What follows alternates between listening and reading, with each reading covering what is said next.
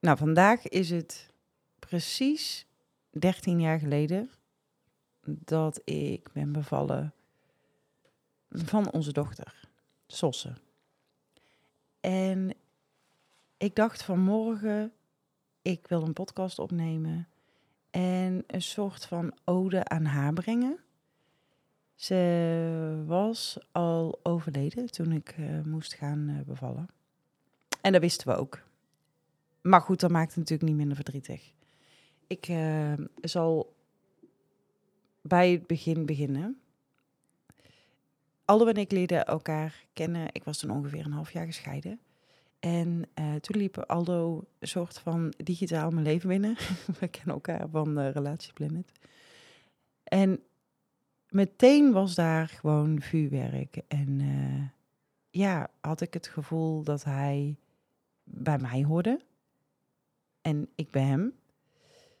Ik weet nog wel dat ik toen naar zo'n, naar zo'n, hoe heet zo iemand? Ja, paragnost. Ja, zo'n levens helderziend levensadviseur, zo noemde die zich. En uh, ik liet toen een foto zien. Ik dacht, ja, weet je, die ellende elke keer met daten en dan is het hem wel, is het hem niet. Ik dacht, joh, als ik die foto laat zien, kan hij wel zien of dit de toekomst is of niet. Dus ik ben daar wel redelijk makkelijk in. Dus ik liet die foto zien en toen zei hij eigenlijk meteen, hem vind je over 30 jaar ook nog leuk. Toen dacht ik, oh, oké, top, dus die moet ik hebben. En die moet ik gewoon houden. Dus vrij snel nadat wij elkaar hebben leren kennen, uh, werden de plannen gewoon wel serieus. En uh, ja, toen is hij bij mij komen wonen in Waalwijk. En hij woont in Tilburg, dus het was wel te overbruggen, zeg maar. En toen hebben we gewoon heel erg getwijfeld, weet je wel. Gaan we samen nog een kindje? Willen we dat? En de andere kinderen, we hadden er vijf samen toen, op dat moment. En uh, die waren volgens mij toen vanaf vier, vier tot met, ik weet het niet meer, tot een, tot een jaar of negen, zoiets. Daar zaten ze allemaal tussen. En um, wij hadden zoiets van, nou weet je, we willen ons, onze liefde samen ook nog wel ja, bezegelen met een kindje als het ons is gegeven. En ik was vrij snel zwanger. Um, en we kregen, ja, weet je, het liep eigenlijk gewoon heel organisch. En de kinderen waren helemaal blij. En wij waren blij. En met 15 weken voelde ik haar ook echt al helemaal bewegen. En dat ik dacht, oh, dit is echt, weet je, dit is gewoon, het is gewoon heel fijn. En tuurlijk, weet je, het was niet mijn eerste zwangerschap, dus ik stond er ook niet in van, oh, er kan niks gebeuren. Maar ik dacht, ja, na de eerste paar weken dat we die door waren, weet je wel, dat je denkt, oh, het kan nog een miskraam worden of weet je wel, gaat alles wel goed. Dacht ik, joh, uh, dit moet helemaal goed komen. En ik deed toen vooral nog geboortekaartjes, uh, zwangerschappen fotograferen, baby's op locatie. En um, op een gegeven moment hadden we net een nieuw huis gekocht en... Um, ik weet niet, ik was toen al een tijdje zwanger hoor. Ik denk zes of zeven maanden, zoiets. En op een of andere manier, toen we te huis aan het tekenen waren bij de notaris, dacht ik, er klopt iets niet. Het voelde zo als iets, ja, als iets zwaars in mijn buik, wat niet, wat zelf niet bewoog of zo. Ik kan het niet zo goed uitleggen. En toen ben ik naar de verloskundige gegaan en toen zei ik, ik, ik weet niet, maar ik het voelt niet goed. Nou, ik mocht toen wel komen. En um, nee, ik was toen al eerder geweest dat ik zei het voelt niet goed en ik voelde minder. En toen zeiden ze ja, maar het is niet protocol om je door te sturen. Want je bent nog niet zo ver in de zwangerschap, dus uh, ja, weet je, um, het is zo. Toen hebben ze ook niet naar het hartje geluisterd, hebben ze eigenlijk helemaal niks gedaan.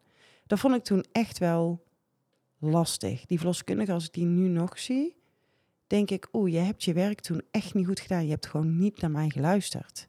En een moedergevoel is natuurlijk best wel sterk.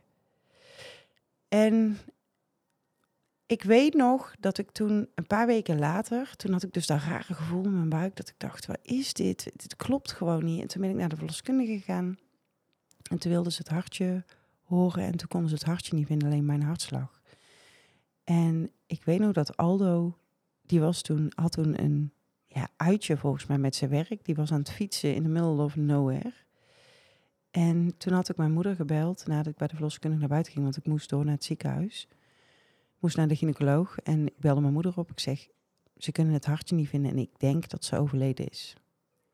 En toen zei mijn moeder, ja, maar dan ga jij echt niet alleen naar het ziekenhuis. Aldo is er niet, dus weet je, jij gaat niet alleen naar de ziekenhuis toe. En mijn moeder moest eigenlijk op alle kinderen passen. Dat was op dinsdag. Dat weet ik nog wel heel goed. Want op dinsdag paste mijn moeder smiddags altijd de kinderen. Ging ze vanuit de basisschool ging ze dan de kinderen ophalen met de kinderopvang. Dus al die al mijn neefjes en nichtjes en ook de kinderen en alles samen was dan bij mijn moeder. Dus het was altijd een drukke boel.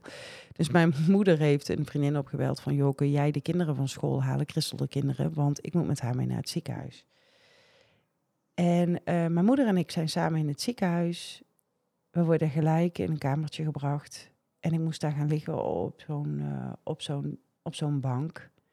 En ze zetten het echoapparaat erop. En ik zie eigenlijk meteen dat er geen hartslag is. Dus ik zei, ze doet het niet meer, hè? Waarop die vrouw tegen mij zei... Oh, ik dacht dat ik dit verwerkt had, maar... Waarop die vrouw tegen mij zei... Nee, ze leeft niet meer. En je zit boven de... Ik weet niet wat dat was, 24 weken of zo.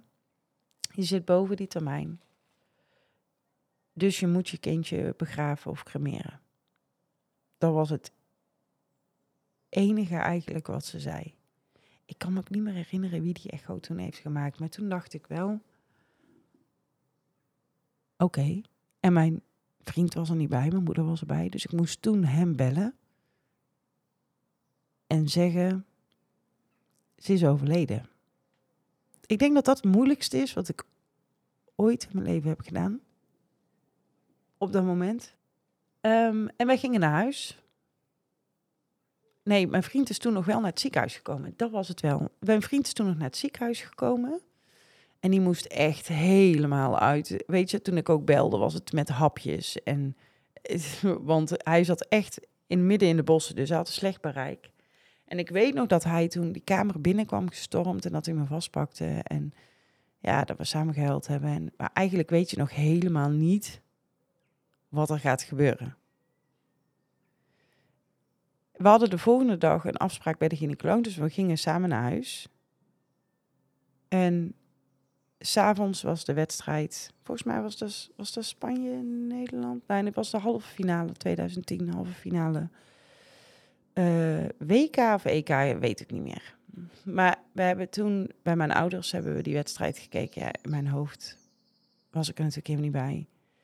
Ik was een soort van verdoofd. We hebben daar toen wel alle vrienden van mijn ouders gezien. En ja, iedereen was er wel om, om ons een beetje bij te staan. Het is natuurlijk ook lastig. Ik bedoel, je ziet er gewoon nog zwanger uit. En behoorlijk zwanger.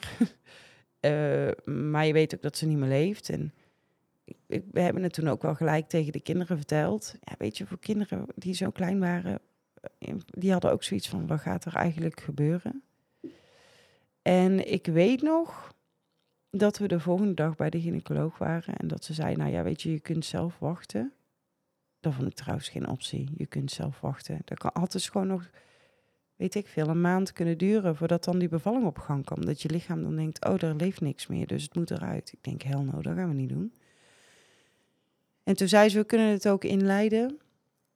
Um, en dan, ja, weet je, dan krijg je natuurlijk gewoon een bevalling. Want ik was eigenlijk al best wel een eindje. En ik heb voor het inleiden gekozen. Dat ik dacht, ja, weet je, dat, dat gaan we gewoon doen. En, maar ik wist dat, want ze doen dat met pillen. En dat duurt ongeveer acht, week, eh, acht weken.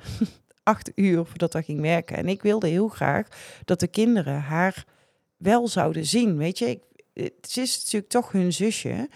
En ik, ik had niet zoiets, ik ga het niet wegstoppen. Weet je, vroeger als je dan beviel van een doodgeboren kindje, kreeg je het gewoon nooit te zien. Het werd weg, weggehaald in een daar, leek, lakentje gefrot en, en er werd mee weggelopen en dat was het dan. Ik dacht, dat gaan we niet doen. Dus ik had zoiets van, nou weet je, als we me s'avonds inleiden, dan begint s ochtends die bevalling. Als je me s ochtends inleidt, weet ik niet hoe laat ik s'avonds ga bevallen. Maar dan had ik nog een hele dag. Dus ik, ik heb ervoor gekozen om echt s'avonds om 11 uur of zo ging we naar het ziekenhuis om ingeleid te worden. Omdat ik dacht, ja weet je, dan is het s ochtends eh, of in de loop van de dag ga ik dan bevallen. Nou, dat hebben we ook zo gedaan. Ik weet wel dat ik echt heel bang was toen. Vreselijk. Ik wist gewoon niet wat me te wachten stond. Ehm, dus ik ben toen ook heel de nacht wakker geweest. Het voelde eigenlijk helemaal niks. Het, het was ochtends dat echt die bevalling begon. En ehm, ja, toen ben ik bevallen. En toen hebben we de kinderen laten komen. Die hebben haar ook gezien. En wij hebben haar gezien. En ik weet nog heel goed dat ik me super trots voelde. En moeder. En dat ik net een dochter had gekregen. Ja, ze leefde niet, maar ik was. Het, het trotse gevoel overheerste. Ik zei ook tegen iedereen: als je hier binnen gaat lopen huilen, dan gaan we naar buiten. Want daar heb ik geen zin in. En uh, ja, achteraf, weet je, die, daarna moesten we natuurlijk de, de crematie regelen. En ik, ik kreeg wel kraamhulp thuis, omdat ik natuurlijk toch een kraamvrouw was. En ik kreeg ook gewoon stuwing. En heel je lijf gaat gewoon aan de gang. Zo van, joehoe, er is een kind geboren. Die had ook de briefing gemist als ze het niet had overleefd, live van mij. Dus uh, ja, die, oh, die, die borsten die, die, die knalden zo uit elkaar. Dus ik liep met, met koolbladeren, liep ik die crematie te regelen. En uh, nou, die crematie hebben we vrij klein gehouden. En in, ook in een klein zaaltje. Weet je wat het is, hè? Niemand heeft haar gekend. Wij ook niet. Dus je neemt afscheid van, van iets. Ik heb haar dan natuurlijk nog wel gevoeld. Maar je neemt afscheid van iets waar, waar ik wel een binding mee heb gehad, maar niemand om me heen ja, heeft haar gevoeld, heeft, hebben haar natuurlijk wel gezien. Alleen de kinderen hebben haar gezien. De rest, ja, weet je, het was toen ook gewoon zo warm. En, en ze was natuurlijk al even, tenminste, dat denk ik, ik weet het eigenlijk niet eens, even overleden. Nou, dat is niet langer dan een week geweest hoor, maar toch, weet je, daar gaat toch iets in gang zetten. En ik vond het gewoon, ja, nu achteraf, nu hebben ze, weet je wel, dat ze het kindje in water bewaren. Dat had ik ook graag gewild. Maar de, weet je, dat was toen gewoon nog niet. Toen was het gewoon, ja, je legt er in een mandje. En ehm, ja, dat was het dan. Um, dus, nou, toen zijn we dus met haar uitvaart bezig geweest. En ik vond dat best een heftige tijd omdat heel veel mensen wisten wat er met mij aan de hand was. Heel veel mensen vonden de vijfde ziekte ook in één keer heel spannend. Ik weet dat de verloskundige daar best wel een kluif aan heeft gehad. En uh, ik moet wel zeggen dat uh, uiteindelijk de communicatie over de vijfde ziekte beter is geweest. En ook dat je, volgens mij wordt het zelfs ook geprikt om te kijken of je het vroeger hebt gehad. Ik had het vroeger niet gehad en daardoor is zij dus overleden. Maar dat had dus gewoon voor ja, verholpen kunnen worden. Dus ik ben blij dat dat in ieder geval wel veranderd is. Maar het ergste vond ik, denk ik, van die periode dat iedereen wist wat er aan de hand was en niemand iets tegen me zei. Ik werd gewoon volledig genegeerd. Dat ik dacht, weet je, als je in de supermarkt of op school, er waren maar een paar mensen die echt naar me toe kwamen en tegen me zeiden van, oh, wat erg. En voor de rest keken mensen mij gewoon aan en ze wisten wat er aan de hand was en er gebeurde gewoon niks. Dan vind ik zoiets raars als er nou iets heftigs is met iemand of iemand is gebeurd of weet ik wat. Weet je, ik weet dat een knipoog of een hand op de schouder, dat is al genoeg. Maar iemand negeren omdat je zelf geen houding weet te geven, is gewoon echt niet oké. Dus mocht je daar in je omgeving hebben meegemaakt, zeg iets. In ieder geval iets, want ik weet toch wel dat iedereen het weet. Nou, maar goed, dit was voor mij, denk ik, het grootste ding in mijn leven wat de kijk op mijn leven heeft veranderd. Tuurlijk heb ik haar daarna heel erg gemist. In het begin echt elke seconde van de dag. En vond ik het heel lastig om de draad weer op te pakken. Inmiddels ben ik haar zo vreselijk dankbaar.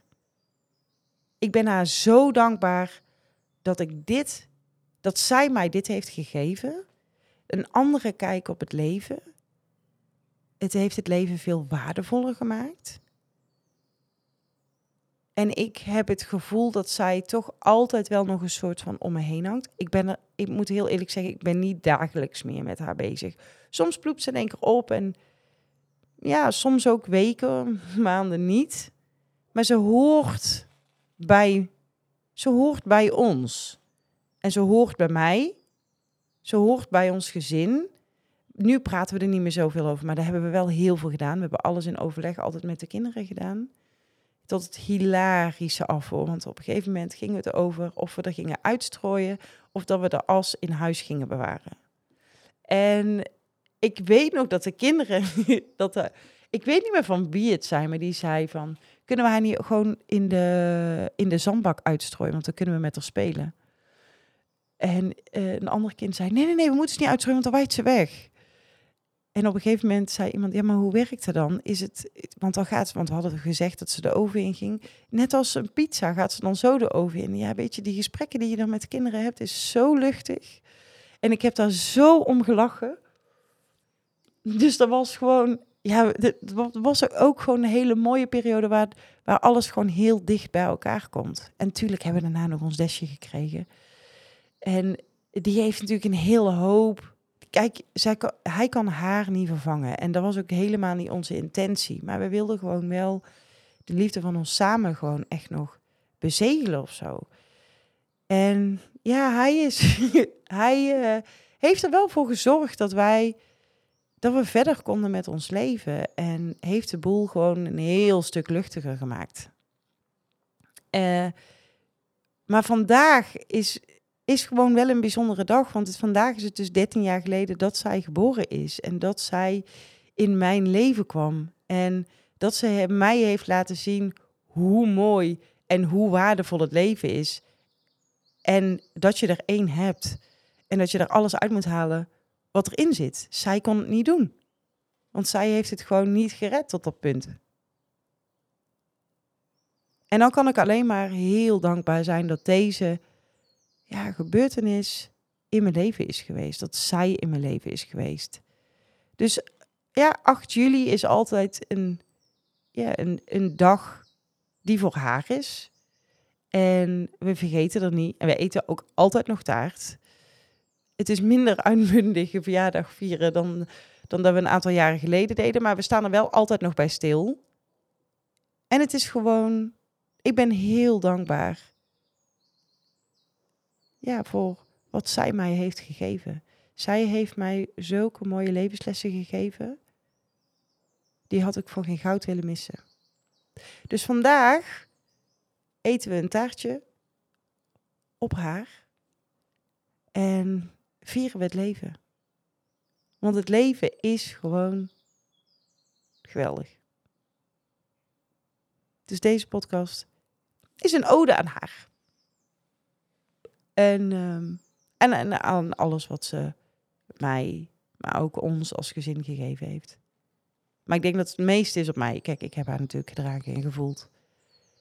En uh, dus voor mij heeft het denk ik ook de meeste impact gehad. Ja. Vier het leven. Zet alle zorgen en ellende opzij, want het is het gewoon niet waard. Echt niet. En dan kom je achter als je heftige dingen meemaakt. Waarbij je gewoon met beide benen weer op de grond wordt gezet. Helemaal als het in je eigen gezin gebeurt natuurlijk. En heb het leven lief.